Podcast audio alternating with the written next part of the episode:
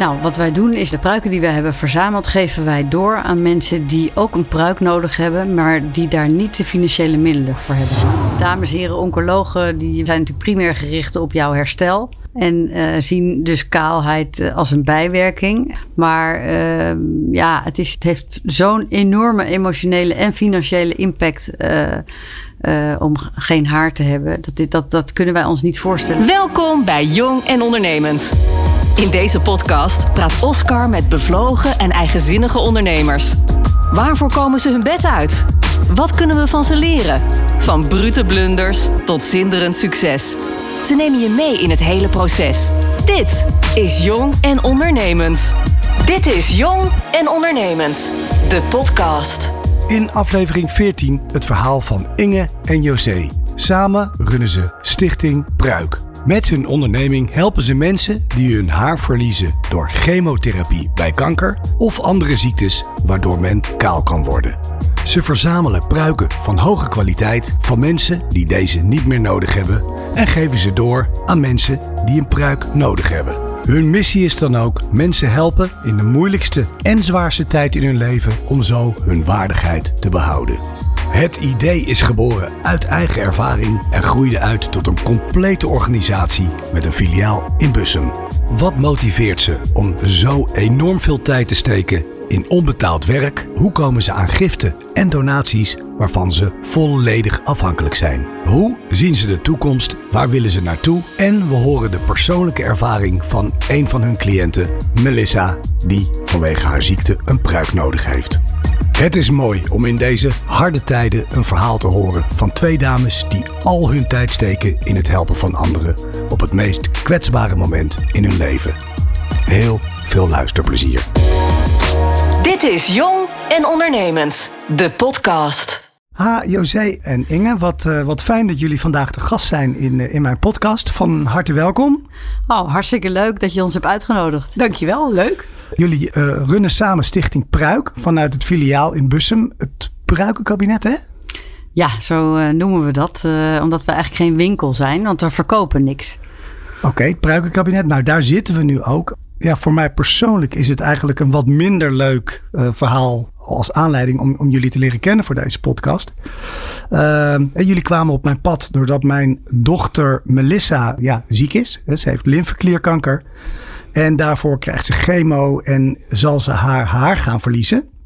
En toen kwamen we dus via via met jullie in aanraking. En um, ik was zo onder de indruk van jullie prachtige hulp voor mensen die haar nodig hebben. Dat ik dacht, nou, hier moet en wil ik meer van weten. En uh, ik denk, uh, ja, dat is gewoon echt goed om jullie verhaal eens, uh, eens te horen. Vandaar. Leuk. Leuk om te horen ook. Wat doen jullie precies? Wat is Stichting Pruik? Nou, Stichting Pruik is uh, inmiddels bijna zes jaar geleden door José en mij opgericht. En wat we eigenlijk doen is we verzamelen pruiken van mensen die ze niet meer nodig hebben. Die daar in de tijd veel geld voor hebben betaald. En daar nu eigenlijk in hun huis naar kijken en denken van ja, wat, wat doe ik nou met zo'n pruik? Ik heb hem niet meer nodig. ja, het is te duur om hem bij de kliko te gooien. Maar ja, kan, ik, ja, kan ik misschien nog iemand anders daar blij mee maken? Zo zijn we eigenlijk een beetje mee begonnen. Om wat voor reden hebben die bijvoorbeeld een pruik laten maken? Nou, dat is in der tijd zijn we begonnen. Uh, er waren eigenlijk allemaal mensen op, op basis van uh, toch wel, die werden geconfronteerd met kanker en chemotherapie als bijwerking van chemotherapie. Maar gedurende de afgelopen vijf jaar merken we dat onze doelgroep uh, steeds breder is geworden. Dat er heel veel verschillende redenen zijn waarom mensen met haarverlies te maken hebben. Het is eigenlijk allemaal geboren uit ziekte. Dus iedereen is eigenlijk wel ziek. Maar de uiteenlopendheid van ziektes is uh, ja, chemo en kanker, uh, alopecia is een haarziekte, medicijngebruik door MS of wat dan ook. Uh, dus nu, inmiddels hebben we een heel scala aan mensen die we kunnen helpen. We zien tegenwoordig ook veel mensen die op de IC hebben gelegen met corona, die daarna met haarverlies te maken krijgen. Hoe, hoe zijn jullie eigenlijk op het idee gekomen om dit te gaan doen? Uh, nou, eigenlijk ook een wat minder verhaal erachter. Maar dat is uit de eigen ervaring. Ik heb zelf uh, ben ik, een tijd lang een pruikendrager geweest door chemokuren dat ik maar verloor. En precies wat Inge net eigenlijk ook al zei. Um, ja, wat ga je ermee doen? Je hebt dat die pruik over. Want gelukkig kwam mijn haar weer terug en ben ik helemaal genezen. En dan heb je nog wel die pruik. En ik dacht, ja, ik vind het toch niet helemaal leuk om daar te, naar te blijven kijken. Want het is toch een periode die je wil afsluiten. En vervolgens um, ga je hem niet weggooien. Dus zo zijn we eigenlijk gaan brainstormen van wat, wat, wat zou de men daar nou mee doen? En wat, wat, waar kan je die, zou je die kwijt kunnen? Of, uh, nou, toen zijn we eigenlijk zo doorgegaan en toen bleek er dat er eigenlijk niks voor was. En uiteindelijk zitten we hier zes jaar later met een stichting en een eigen locatie enzovoort. Dus uh, ja, het is helemaal doorontwikkeld. Oké, dus jullie, als ik het goed begrijp, hè, door je eigen ervaring zijn jullie eigenlijk pruiken gaan verzamelen. En wat doen jullie daar dan mee? Nou, wat wij doen is de, de, de, de, pruiken die wij hebben verzameld, geven wij door aan mensen die ook een pruik nodig hebben, maar die daar niet de financiële middelen voor, voor hebben. Want een pruik kost uh, in de aanschaf uh, erg veel geld. Waar praat je dan over? Nou, dan hebben we het over zeg maar een ondergrens van 800 euro, oplopend naar een paar duizend, afhankelijk van het materiaal. Wat zeg je nou, van 800 tot? Tot, tot een paar duizend. Als het, als het gaat over echt haar bijvoorbeeld. Dan, dat zijn serieuze bedragen. Wordt, zijn... wordt dat bijvoorbeeld uh, vergoed uh, door, door, uh, door, door de ziektekosten of wat dan ook? De ziektekosten die, die draagt er wel aan bij. Maar dat is 452,50 euro dit jaar. 457, sorry. 457, Ja, om even precies te zijn. Om ja, precies, precies te zijn. Um, en ja, dat is niet genoeg. Want als je een beetje uh, wil dat mensen het ook niet zien en uh, geen feestpruik wil, dan beginnen ze bij 800 euro. Dus dat rest moet je bijbetalen. En daar komt er nog een standaard shampoo, alle andere attributen bij. Ja, en wat we, wat we ook zien is dat dus mensen. Uh, vergeet niet dat er uh, meer dan een miljoen mensen in Nederland onder de armoedegrens leeft. Dus, en ook, ook in het gooi. En ook, ook al zie je het niet, ook al zie je een bontjas daaronder. Het zou best eens kunnen zijn dat, dat daar ook mensen tussen lopen die dat eigenlijk helemaal niet kunnen betalen. Maar het mooie van dit circulaire idee eigenlijk, omdat we verzamelen en doorgeven, is dat er ook steeds meer mensen uit een duurzaamheidsoogpunt uh, bij ons terechtkomen. En zeggen van ja, ik, waarom zou ik, als het toch maar voor een tijdelijke periode is, waarom zou ik dan voor een nieuwe pruik gaan? Ja, want het is natuurlijk in heel veel gevallen is het tijdelijk. Is er eigenlijk zicht op hoe vaak zo'n pruik nou in het ja, dagelijks leven gedragen wordt? Zijn daar feiten en cijfers van? Er zijn geen feiten cijfers van. Maar wat je gehoord, want wij vragen het wel altijd. Want wij willen natuurlijk wel mooie, goed, uh, goed gebruikbare pruiken doorgeven. Dus dat zijn eigenlijk die topkwaliteit pruiken. Die door anderen wel tussen de 800 en de, en de paar duizend euro gemaakt zijn want daar praten we hier over. Ja, die, die hebben ze aangeschaft. En dan kijken wij eigenlijk. We werken ook eh, samen met haarwerkspecialisten. Die kijken ze na, die maken ze mooi. Die repareren ze hier en daar. Stel dat dat nodig mocht zijn. En vervolgens geven we ze dan door. En dat ligt dus aan wat iemand heeft. Een alopecia-patiënt, die draagt hem echt de hele dag. Maar als je met chemo uh, geconfronteerd wordt, dan draag je hem eigenlijk maar twee, drie keer per dag tien minuten of een half uur als je naar buiten gaat, naar de Albert Heijn of naar het ziekenhuis of naar school van de kinderen. En thuis gaat hij eigenlijk, zie je, alweer heel snel af. En daarom zijn ze ook zo goed om door te geven. Ja, ja, dus je hebt eigenlijk aan de ene kant de mensen die voor uh, het budget, dat het heel interessant is om bij jullie terecht te komen, maar inderdaad ook de duurzaamheid. Ik bedoel, want uh, waar praat je over? Wat, wat is jullie voorraad bijvoorbeeld van, van pruiken? Nou, als je nu uh, om je heen kijkt, dan zie je dus allemaal. Uh, hè, we, we, we, leven volledig van donaties. Hè? Dus we hadden geen, uh, zoals je ziet, geen geld voor kasten. We hebben fruitkistjes. Er staat allemaal hartstikke leuk. Er staan hier 85 gebruiken om jou heen. Uh, maar we hebben uh, in de kelder nog, uh, nog een paar honderd andere prachtige pruiken. Maar we kunnen ze niet allemaal tentoonstellen, helaas. Maar we hebben voor de, voor de klanten die hier komen echt zo'n enorme variëteit. Dat het mooie is, vinden wij iedere keer weer. Dat, dat we nu na bijna zes jaar al bezig te zijn. Dat we nog maar twee mensen niet hebben kunnen helpen. En dat is echt wel heel bijzonder. Um, hoe is jullie samenwerking eigenlijk ontstaan? Uh, nou, zoals ik net al vertelde, eigenlijk uit eigen ervaring. Ja. En uh, Inge en ik kenden elkaar nog niet eens zo heel erg lang. Uh, want zij kwam uit het buitenland hier wonen. En onze kinderen kwamen bij elkaar in de klas. En toen ontmoetten wij elkaar. En er was eigenlijk wel direct een klik. En niet eens een half jaartje, denk ik, daarna. Toen werd ik ziek. En eigenlijk ja, stond zij direct naast me. Wat natuurlijk al heel bijzonder is, want als je elkaar niet zo lang kent, om dan iemand zo te steunen in zo'n vervelende rotperiode. En dat is eigenlijk zo gegaan. En toen hebben we eigenlijk ook nog met een ander vriendinnetje in het begin uh, gaan brainstormen. Zoals ik net al vertelde over van god, wat ga je ermee doen? En toen het allemaal weer een beetje klaar is. En zo zijn ze eigenlijk een vlucht genomen. En zijn we gewoon begonnen. Wat geweldig. En nou zitten we hier, zoals ik al zei, eh, in een hele mooie uh, zaak. Het ziet er eigenlijk heel luxe uit. In een prachtige straat in Bussum. Hebben jullie hier eigenlijk zes jaar geleden, ben je hier ook begonnen?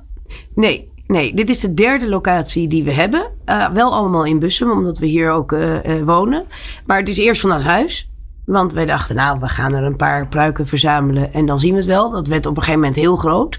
Toen dachten we, we moeten nu ook mensen kunnen gaan ontvangen. En in je eigen huis is dat een beetje lastig met kinderen eromheen enzovoort. Ja, wordt wat druk. Ja, toen zijn we naar een gezondheidscentrum gegaan in Bussum-Zuid. Waar we heel lief mochten komen.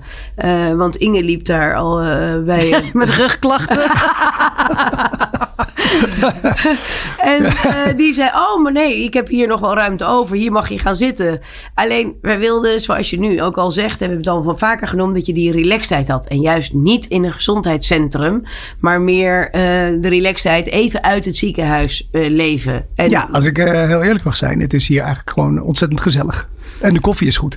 Ja, nou, dat, dat, is belangrijk. Dat was belangrijk, want dat vonden we ook. Want overal krijg je smerige koffie. Laat de koffie in ieder geval goed zijn, want daar beginnen we altijd mee. Dus, uh, ja. Nee, maar het is zeker, weet je, als je in, uh, in een ziekenhuisproces uh, al zo vaak bij artsen moet komen en zo. Wij willen hier, we zitten hier, dat kun je als luisteraar niet zien, maar we zitten hier aan een houten tafel. En je, inderdaad, wat je zegt, we hebben goede koffie. En dat was ook echt voor ons wel een voorwaarde dat het een beetje een warme omgeving is waar je in terechtkomt. En, want uiteindelijk wil natuurlijk niemand bij ons komen, laten we wel zijn. Um, even voor mij de procedure. Hoe weten mensen jullie te vinden? Nou, we hebben een website, uh, pruik.nl met UJCK zeggen we er altijd bij, want uh, anders uh, kunnen mensen ons soms, soms niet vinden. we doen heel veel, we hebben twee vrijwillige, vrijwilligers die ons op social media gebied helpen, waar we heel dankbaar voor zijn. Die, dus we posten heel vaak op Facebook, Instagram en LinkedIn. Uh, we zijn zelf, uh, nou iedereen uh, die we ook maar enigszins kennen of waarvan we denken dat ze ons kunnen helpen, springen wij gewoon meteen bovenop. En daar schromen we nooit voor. Dus we, we doen veel presentaties voor Rotary Clubs, ronde tafels. Eh, er is net een pubquiz geweest. nou, we schreeuwen wat aan de weg eigenlijk. We timmeren aan de weg en we schreeuwen wat rond. Zo moet ik het eigenlijk zeggen. Nou, en dan vergeet je nog de professionele instellingen. Want we hebben nu inmiddels, zijn we daar de oncoverpleegkundige dagen geweest, de borstkankersymposium, om dan ook de doelgroep, zeg maar, voor ons belangrijk, want die spreken de eerste patiënten uh, aan te haken. Dat ziekenhuizen, oncoverpleegkundigen, uh, dermatologen, noem het allemaal maar, dat die ons ook kennen en dat die het kunnen vertellen in het begin van het proces dat iemand uh, daarmee geconfronteerd wordt. Ja, Merk je ook dat er een soort sneeuwbaleffect gekomen is van mensen die om wat voor reden dan ook een prijk bij jullie nodig hebben gehad en die dat dan weer doorvertellen?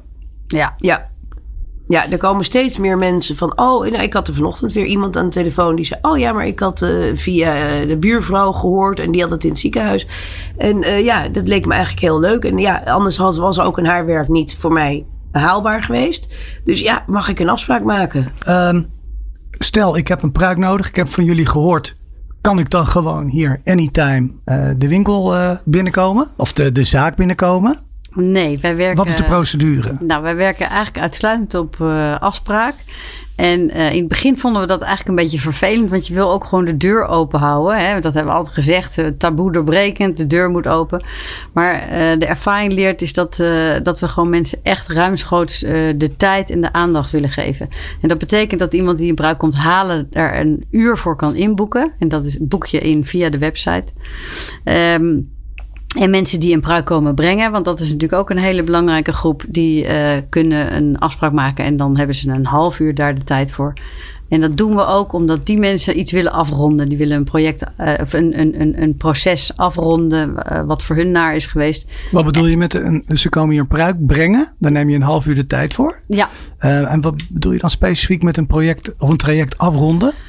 Nou, zoals vanochtend hadden wij bijvoorbeeld een uh, meneer waarvan zijn vrouw was overleden een tijdje terug. En uh, die was er nu na een aantal jaar eindelijk aan toe om deze pruik uh, te doneren.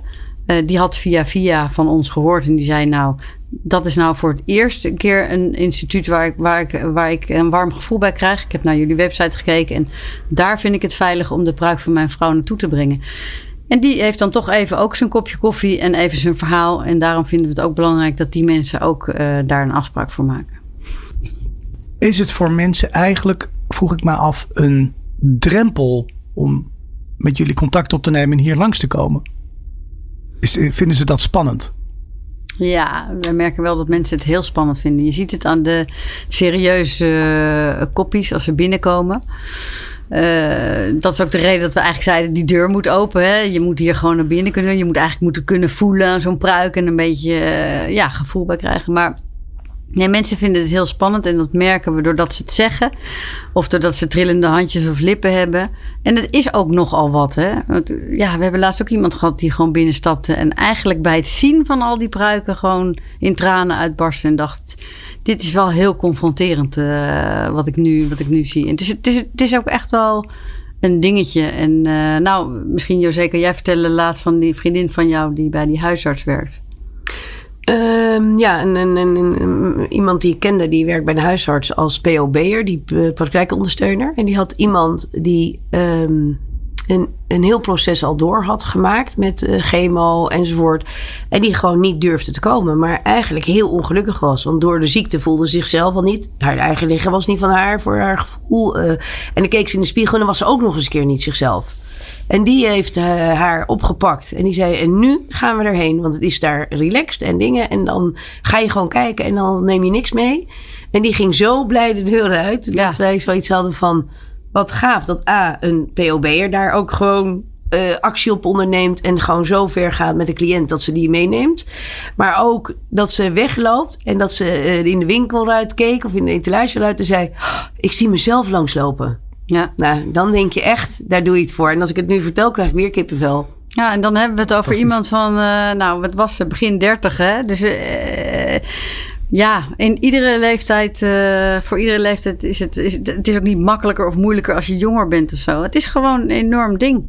En, Op een gegeven moment uh, kregen we zelfs ook nog een ja. telefoontje uit Groningen. Die mevrouw woonde in Groningen. Of ze voor achten of na achten mocht komen. Dat wij dat. Dat is vroeg weg, jij uit Groningen trouwens. Ja, dat is behoorlijk vroeg weg. Maar wij hadden zoiets van waarom die acht uur? Ik zei, moet u werken? Of, of ja. ga je doorvragen? En toen zei ze, nee, nee, nee, maar dan is het nog donker. Want ik ga niet in, overdag over straat. Zo. En toen zei ik, ja, maar we zitten in Bussum. Niemand kent u. En toch was dat niet genoeg voor die mevrouw. Dat was echt wel een ding. Durfde gewoon niet over straat. Ja, en, en hoe hebben jullie dat opgelost? Nou, uiteindelijk hebben we gezegd van, joh, Anders kunnen we misschien één opsturen. Doen we nooit. Nee. Want dat kan niet. Je moet hem echt passen. Maar uiteindelijk linksom, rechtsom draaien we er wel weer een, een, een, een mouw. Passen we er weer een mouw aan. Om uh, dan toch die mevrouw te kunnen helpen. En uiteindelijk is ze inderdaad in de namiddag gekomen of zo. Ja. Maar anders mag, ja, voor uitzonderingen, als het zo schijnt is, willen we ook nog wel eens met liefde om uh, een keer s'avonds daar te helpen. Um, zijn het voornamelijk vrouwen? Die, die komen om een pruik uit te zoeken? Of hebben jullie ook, ook wel eens mannen als uh, cliënt? Of maakt het voor mannen eigenlijk niet zoveel uit of ze... Je, nou, ziet, je ziet al zoveel kale mannen lopen. We hebben al heel vaak de vraag gehad... doen jullie, uh, zorgen jullie ook pruiken voor mannen? En dan zeggen we altijd heel blij... ja, maar we hebben de pruiken niet. Nee. Want we krijgen die pruiken niet aangeboden. En, en voor een man... Uh, nou, je merkt aan jezelf... als je op straat een kale man ziet... kijk je niet om. Nee. Want dat is eigenlijk heel normaal. Maar zie je een vrouw met een kaal hoofd... of met een doekje dan zie je toch wel veel mensen hun hoofd draaien. Want eigenlijk ben je dan direct heb je de stempel ziek. Ja, en kun je nog, ja, misschien een beetje open deur, maar uh, zeggen hoe belangrijk uh, haar is voor, voor een dame uh, tijdens zo'n proces?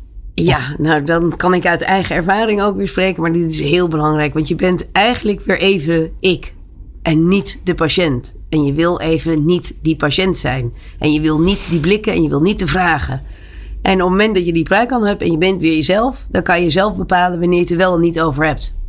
Het is een uh, groot onderschat uh, probleem. Uh, de, de, dames en heren oncologen die willen, zijn natuurlijk primair gericht op jouw herstel. En zien dus kaalheid als een bijwerking. En niet onterecht, hè, want ze moeten jou beter maken. Maar ehm, ja, het, is, het, is, het heeft zo'n enorme emotionele en financiële impact uh, om geen haar te hebben. Dat, dit, dat, dat kunnen wij ons niet voorstellen. Er was laatst een mevrouw die zei, en die was echt niet zo blij met haar chemo's. Die zei, ik had liever acht chemo's extra gehad met behoud van mijn haar dan dat het uh, op deze manier is uh, gegaan. Dit is Jong en Ondernemend, de podcast. Is dit voor jullie ook een, een betaald iets? Halen jullie ook ja, verdiensten uit voor jezelf? Nee, wij doen dit geheel vrijwillig. En uh, ja, dat vinden we ook eigenlijk heel erg prettig. Uh, hè, dat, we, dat we zo'n model hebben. En we werken ook met vrijwilligers. Ja, en, waar uh, we begonnen ja. op de zolderkamer, dat is inmiddels echt een bedrijf geworden. We durven het eigenlijk nooit hardop te zeggen. Maar ja, dat is gewoon zo. Maar hoeveel uur per week zijn jullie er nou zo al grofweg mee bezig? Nou, kijk, we, we hebben de, de dagen dat we hier klanten ontvangen, is nu anderhalve dag, maar we gaan naar twee dagen. En wat ging ik nou vertellen? Dat, uh, nou ja, dat, dat, uh, ja dat, dat, dat zijn we dus twee dagen per week. In feite zijn we open, maar daaromheen hebben we de vrijwilligers aan te sturen. We moeten, omdat we leven van donaties, uh, bedrijven benaderen. We doen vaak presentaties in de avonduren voor wat ik zei, de Rotary en weet ik het, allerlei uh, groepen, zeg maar. Zorgoptimisten. Uh. Nou, ik heb twee weken geleden weer de hele de zaterdag uh, op een congres gestaan, een borstkankercongres. Uh, we hebben inderdaad op de oncologie verpleegkundige dagen. Dus het kost uiteindelijk best wel heel veel tijd. Um, maar goed, iedere keer als hier iemand met een big smile de deur uitloopt. Want dat is wel iets wat we echt heel belangrijk vinden. Dat hoe rottig de situatie ook is. Dat, dat iemand altijd hier lacht. Ja, dat, dat, is, ja, dat dan, is fantastisch. Dan, uh, maar, dan, dan, gelden die uren eigenlijk niet zoveel meer. Want dan zijn we weer zo gelukkig met z'n tweeën. En dan kijken we elkaar aan en zeggen we... ja, dat is het waar we het voor doen. Is er nog ruimte om, om daarnaast nog bijvoorbeeld uh, een baan te hebben? Absoluut. Wat doe jij bijvoorbeeld? Uh... Ik ben coach in het dagelijks leven. Ik heb een eigen praktijk. En, uh, dus dat doe ik erbij. Maar daardoor ben ik ook flexibel in mijn tijden. En, uh, en wat voor soort coaching uh, doe je? Ja, dat is eigenlijk coaching op allerlei levensvragen gebied, zeg maar. En de een heeft het heeft in, in, in, iedere functie die hij heeft ruzie met zijn baas. En de volgende die heeft uh, toch zit zich altijd te ergeren aan haar of zijn partner. Of uh, ik loop tegen, ja, wat wil ik nou eigenlijk in mijn leven? Dus eigenlijk alle levensvragen. En die, die combinatie, en dat is, is dat goed te doen? Ook nu de stichting groeit qua urenverdeling? Nou, ik zou daar iets betere balans in kunnen vinden, eerlijk gezegd. Ja, er gaat nu best wel veel tijd naar uh, Stichting Pruik. En daar word ik heel blij van. Maar daar zou een betere balans in kunnen. En bij jou, José, hoe, hoe ziet die, uh, ja, jouw verdeling eruit tussen Stichting Pruik en de rest van je dagelijks leven? Uh, nou, die is ietsje anders. Ik uh, adviseer bedrijven op het gebied van verzuim en arbo. Maar ik heb in, in, opdrachten doe ik dan. En ik zit nu bijvoorbeeld vier volle dagen doe ik dat. Uh, en één dag sowieso op de, op de woensdag altijd pruik. Maar daaromheen zit je dus inderdaad in de avonden of in de weekenden. Uh, moet ik er dan mijn tijd verdelen. Want omdat ik door de week geen tijd meer heb. heb. Hoe komen jullie nou aan je inkomsten?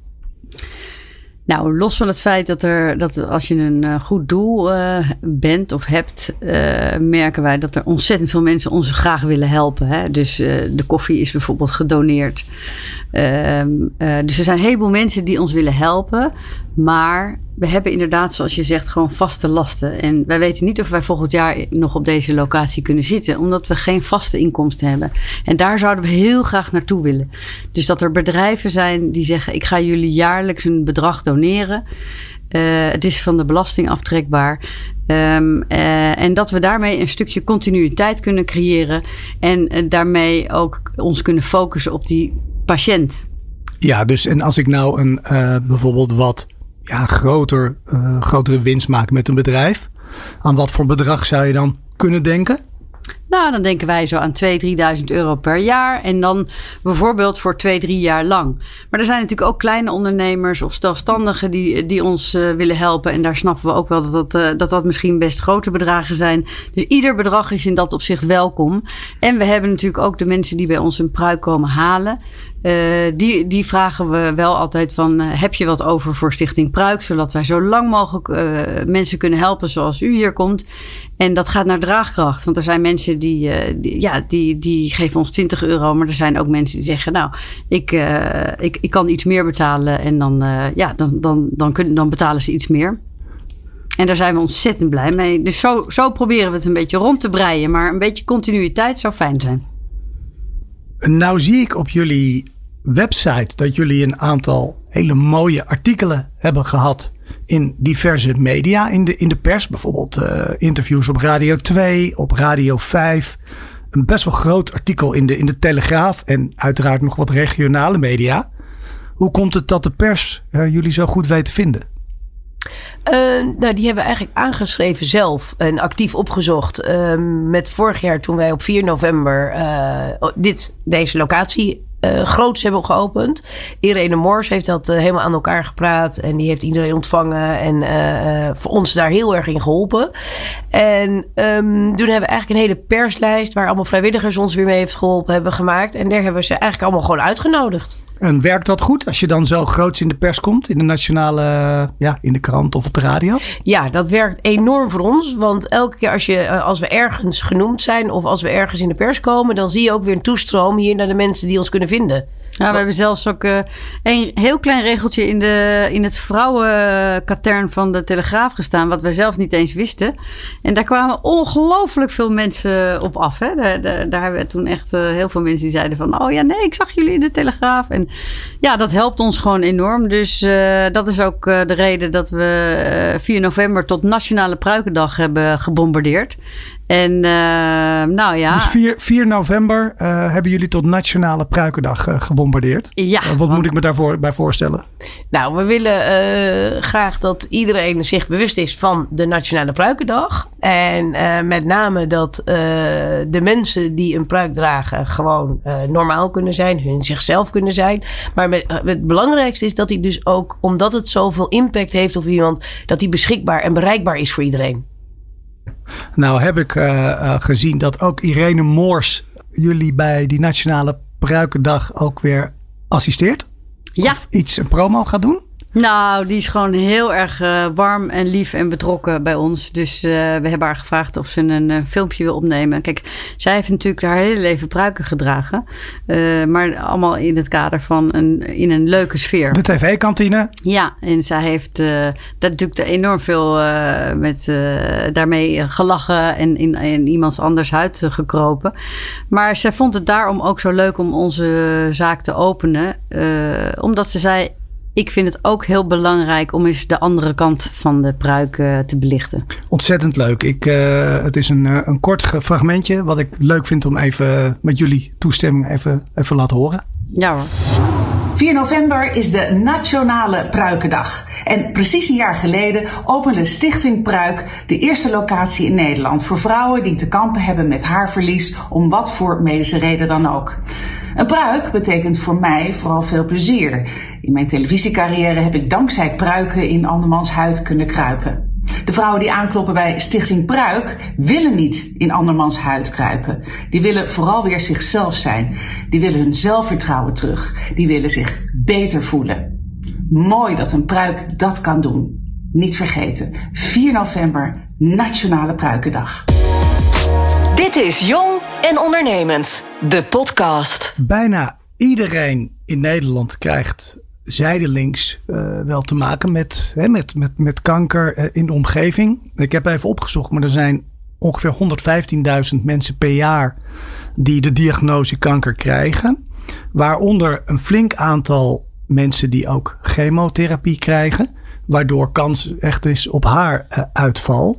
Nou, jullie hè, met je mooie stichting doen alles aan om mensen wat gelukkiger te maken in deze rotperiode. En daarom leek het me ook goed om even wat vragen te stellen aan een, ja, laten we zeggen, cliënt uh, van jullie. Nou, in dit geval vertelde ik al, ik was hier, ik ken jullie. eh, door mijn dochter Melissa. Dus vind je het een goed idee eh, als ik Melissa wat vragen stel? Lijkt me een heel goed idee. Melis, vertel eerst, als je dat wil, even wat, eh, ja, wat, wat, wat heb jij onder de leden? Dat klinkt alsof het iets heel gezelligs is. Ja, wat, wat, eh, Helaas niet, nee. Ehm, ik heb eh, Hodgkin, dus dat is een vorm van lymfeklierkanker. Dat is nu ongeveer een maand geleden vastgesteld. Zelf wist ik het al een tijdje langer, maar dat is een eh, verhaal voor een andere podcast, denk ik. Maar ja, ehm, ja ik heb dus Hodgkin. je hebt Hodgkin. En hoe gaat jouw genezing er grofweg uitzien? Ja, ik begin eh, binnenkort met de eerste chemokuren. Dus er komt sowieso chemotherapie bij kijken en dan eh, later nog bestraling. En ja, ik heb nog eh, aan de arts gevraagd: is er een kans dat mijn haar niet uit gaat vallen? En toen was het een stellig antwoord van nee, je gaat sowieso je haar verliezen. Dus zodoende ben ik eigenlijk ook op zoek gegaan naar mogelijkheden eigenlijk van haarwerken, pruiken ja, honderd verschillende mogelijkheden eigenlijk. Waar ik nog nooit, ja, ik ben 29, dus nog nooit eh, over na heb gedacht of nog nooit in aanraking mee ben gekomen. Ook niet per se in mijn directe omgeving. Dus ja, dat was een compleet nieuwe wereld die voor me open ging eigenlijk. En hoe ben je uiteindelijk bij deze dames van Stichting Pruik terechtgekomen? Eigenlijk via een vriendin van mijn moeder. eh, die had dit getipt. Zij is kapster en zij kende Stichting Pruik. En ja, zij had het aangeraden om even langs te gaan.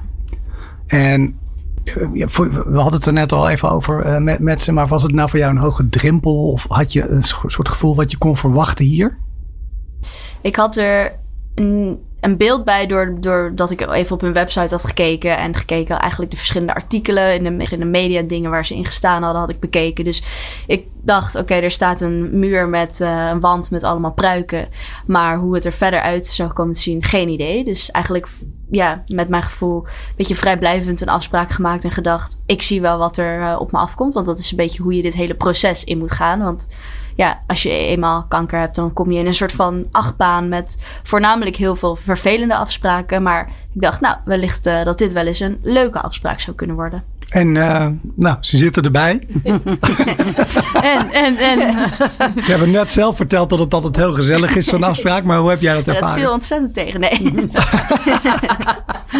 nee, het was echt eh, ja, ontzettend fijn. Ja, je komt hier binnen en ja, je krijgt eh, een kopje thee, een kopje koffie of waar je dan ook maar zin in hebt. En het is eigenlijk gewoon alsof je bij hele gezellige tantes of zo op bezoek bent. En eh, ik weet niet of dat voor jullie een compliment is, maar ja, zo voelde het in ieder geval. Dus ehm, ja, en eigenlijk eh, toen een soort van meegenomen in inderdaad de wand die ik al op de verschillende nieuws eh, of websites en dingen gezien had.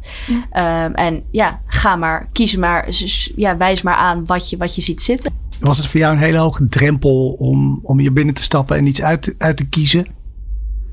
Ja, het was voornamelijk dat je inderdaad gewoon niet zo goed weet wat je kan verwachten. Dus ik ben ook niet een, een carnavalvierder of zo. Dus zelfs op, op het leuke vlak heb ik niet heel veel ervaring met pruiken. Dus ja, je, je zet iets op en je, hebt, je ziet oh, ja, 80 verschillende koeps hier staan. En je hebt eigenlijk geen idee van, gaat het leuk zijn, gaat het niet leuk zijn? Of moet ik heel hard lachen als ik mezelf weer aankijk in de spiegel? Heb je ze alle 80 ook geprobeerd? nou, wel een heleboel, want ik ben nogal slecht in eh, keuzes maken. Maar ze, had- ze hadden een uur voor je. hè? En Ja. is dat ook binnen dat uur wel gebleven? Nee, er, zijn, eh, er is iets uitgelopen. Ja, de hele dag liep in de soep. Maar eh, nee hoor, we vonden het erg fijn dat je er was. En ben je geslaagd? Dat was Absoluut. natuurlijk eh, de belangrijkste vraag. Ja, zeker. En nou, hoe, hoe, ben je, hoe ging dat? Hoe, zelfs, eh, ik ben zeer geslaagd, zo geslaagd dat ik zelfs twee verschillende eh, pruiken heb mogen uitkiezen van deze ontzettend vriendelijke dames. Want ja, zij hadden op een gegeven moment ook wel door dat ik niet kon kiezen en dat ik er anders waarschijnlijk over drie uur nog steeds zou zitten. dus ehm, ja, maar ja, ik heb echt heel veel verschillende koeps gepast. Ook gewoon kapsels waarvan ik ja, nooit zou denken dat het misschien iets voor me zou zijn. En ik heb eigenlijk mijn hele leven blond haar gehad. En ik ben nu met inderdaad één blonde pruik de deur uitgegaan die erg lijkt op mijn eigen kapsel. Maar ook met een bruine pruik. Dus dat is eh, een interessant proces. Dat ik eh, ineens denk, oh, bruin haar staat me eigenlijk ook wel goed. Dus eh, dat is Ja. grappig om dat op deze manier te Het biedt ook weer mogelijkheden, hè? Absoluut, ja. Dus dat was heel leuk om het te ontdekken. Nou, en... ehm, Mag ik jou ook een vraag stellen? Zeker. Heb jij, eh, heb je ook overwogen, want ik kan me ook zo voorstellen dat je eigenlijk gewoon je haar helemaal precies hetzelfde wil zoals je het nu hebt. Hè? Heb je ook overwogen om gewoon naar een haarwerkspecialist te gaan? Eh, in eerste instantie heb ik daar wel even naar gekeken, maar ik vond eigenlijk de, toch wel de kosten een beetje, of tenminste de eerste dingen die ik hoorde, vond ik vrij intens. Dus dat het tussen de, ja, tussen de 2 en 8000 euro lag of zo. En ik, ja, ik dacht dat op zich, als ik mijn spaargeld een beetje bij elkaar schraap en mijn familieleden lief aankijk, dan komt dat vast goed. Maar ja, ik dacht ook van, misschien ga je zo'n zo'n pruik uit in de praktijk helemaal niet zo vaak dragen. Dus toen ik van jullie, ehm, ja, van jullie winkel hoorde, van jullie, ehm, ja, gewoon van jullie hoorde, dacht ik, ja, dit is eigenlijk een veel briljanter idee. Dat je, ja, ook gewoon het stukje duurzaamheid en het stukje van eh, precies wat mijn verwachting ook was. Misschien draag je zo'n pruik inderdaad maar tien keer super zonde dat het dan ergens op een plank blijft liggen. Dus eigenlijk was dat dat ik gelijk dacht van, nou, ja, daar moet vast wel iets bij zitten. Of in ieder geval genoeg reden om het, om het te gaan uit te proberen. En eh, mocht het niet zo zijn, zie ik daarna wel weer verder. Maar ja, Hm. heel fijn. Nou, en wat misschien ook wel leuk is om te vermelden, eh, of nog even te noemen, is dat eh, Melissa eh, vond één klein gedeelte van haar pruik niet, niet erg mooi staan. En dat waar José en ik het eigenlijk ook wel met haar eens, is dat wij samenwerking hebben met haarwerkspecialisten, die, want dat kunnen wij zelf niet, die echt de expertise hebben om aanpassingen te doen. En ehm, nou, we gaan jou zo meteen jouw aangepaste pruiken overhandigen. En dan hoop ik, eh hoop José en ik dat die gewoon helemaal 100% naar wens is nu. Dus daar, eh, ja, dat is ook wel leuk om te merken dat eh, ook, ook wij daarin geholpen worden. Superleuk, ja. Ik ben benieuwd. Zo. Ik kan me voorstellen dat het voor jullie ook leuk is om echt reacties te horen. Hè? Zoals die Melissa nu vertelt Ja, heel fijn. uit de praktijk. Welke verhalen in de afgelopen jaren zijn jullie nou bijgebleven? Als ik jullie nou vraag spontaan, wat komt er in je op van mensen die jullie geholpen hebben aan een pruik? Zijn er dan momenten die zo spontaan bij jullie te binnen schieten? Nou, dat zijn er eigenlijk heel veel, hè? Want ieder verhaal is eigenlijk heel eh, uniek. Eh, als wij ook naar deze 85 pruiken kijken in deze wand, dan zeggen we ook altijd: er zijn ook 85 verhalen van mensen die, eh, die ze hier achterlaten. Maar er zijn altijd een paar die er toch wel uitspringen. Misschien dat jij daar wat meer over kan vertellen. Nou, als ik er nu zo over nadenk, dan komt er eh, zeker één of twee verhalen ook echt wel boven. Die eh, eigenlijk nog steeds, als ik er aan terugdenk, me nog wel wat doen. En dat was een mevrouw die kwam van verre. Eh, die kwam met een collega. En die had er eh, geholpen van nee, maar dan moet je heen en dan moet je heen. En dat was een verhaal dat die mevrouw van verre echt wel, wel een stuk wegkwam. Die was zelf uur. ziek. Eh, had een verhaal dat eh, zij had een zoontje van twee jaar, die had botkanker. En ging eigenlijk heel slecht. En ze zochten een, een, een, een, een beenmergdonor. Eh, haar man was inmiddels vertrokken, want die kon dat hele proces niet aan. Dus ze stond er ook nog alleen voor.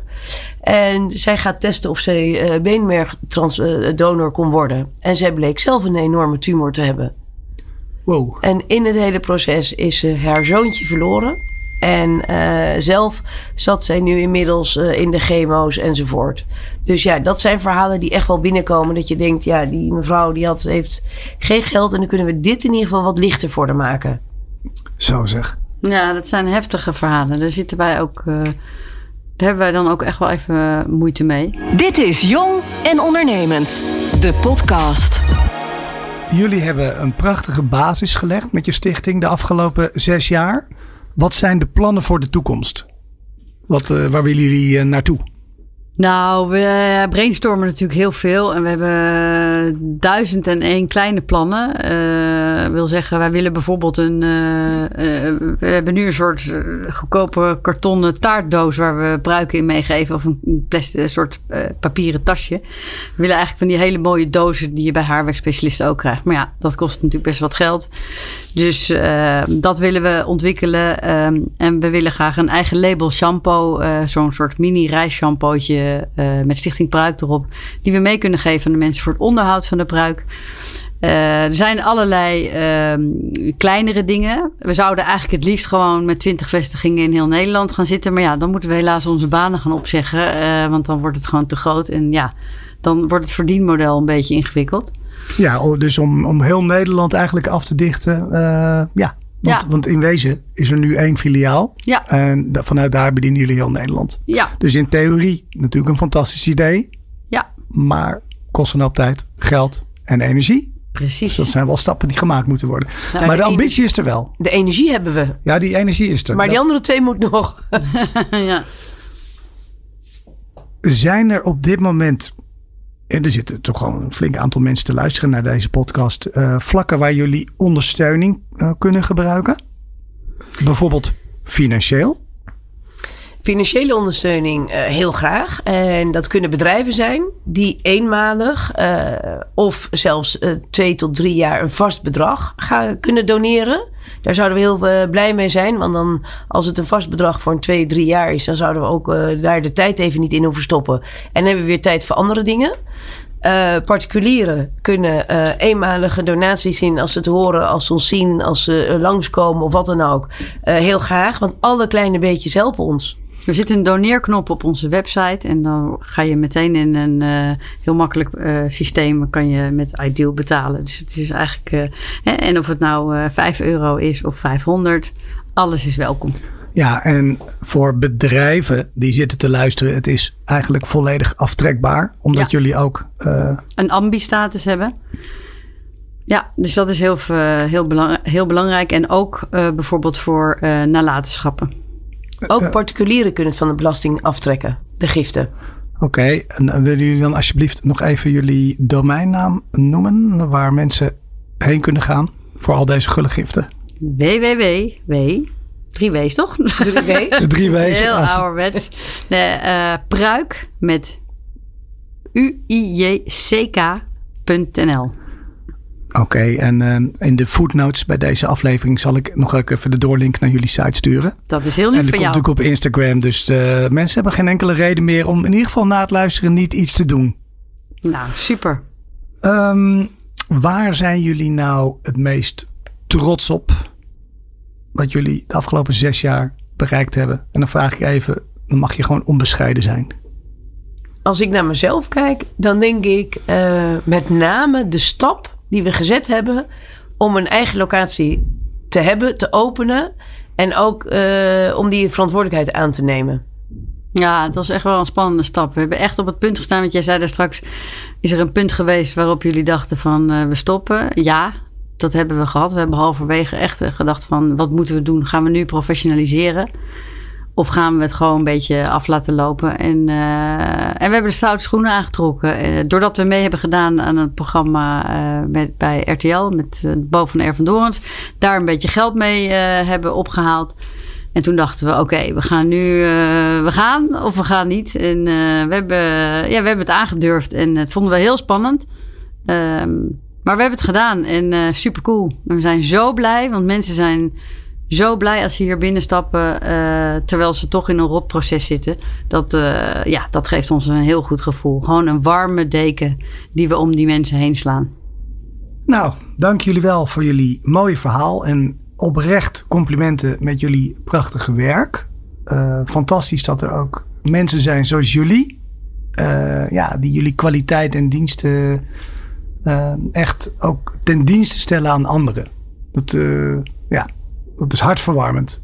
Dus ik wil jullie ook ontzettend danken voor het delen ja, van jullie verhaal in deze podcast. Nou, jij heel hartelijk bedankt dat we dit mochten vertellen. En dat jij dit, uh, hè, terwijl je de vader bent van Melissa en ons een paar weken geleden pas hebt ontmoet voor het eerst. Uh, en zei van spontaan van nou, dit vind ik zo geweldig. Ik ga een podcast doen. Dus dank jij wel. Ja, daar sluit ik me volledig bij aan. Heel erg bedankt voor je tijd. Voor alle de moeite die je weer hebt genomen om hier toch te zitten voor ons. En je mooie donatie niet te vergeten. Zoveel verschillende soorten en maten. Proberen wij een stukje blijer te maken. Met de deur altijd open. Alles is hier mogelijk. Stichting Pruik. Oh, Stichting Pruik. Bedankt voor het luisteren naar Jong en Ondernemend. Graag tot de volgende aflevering.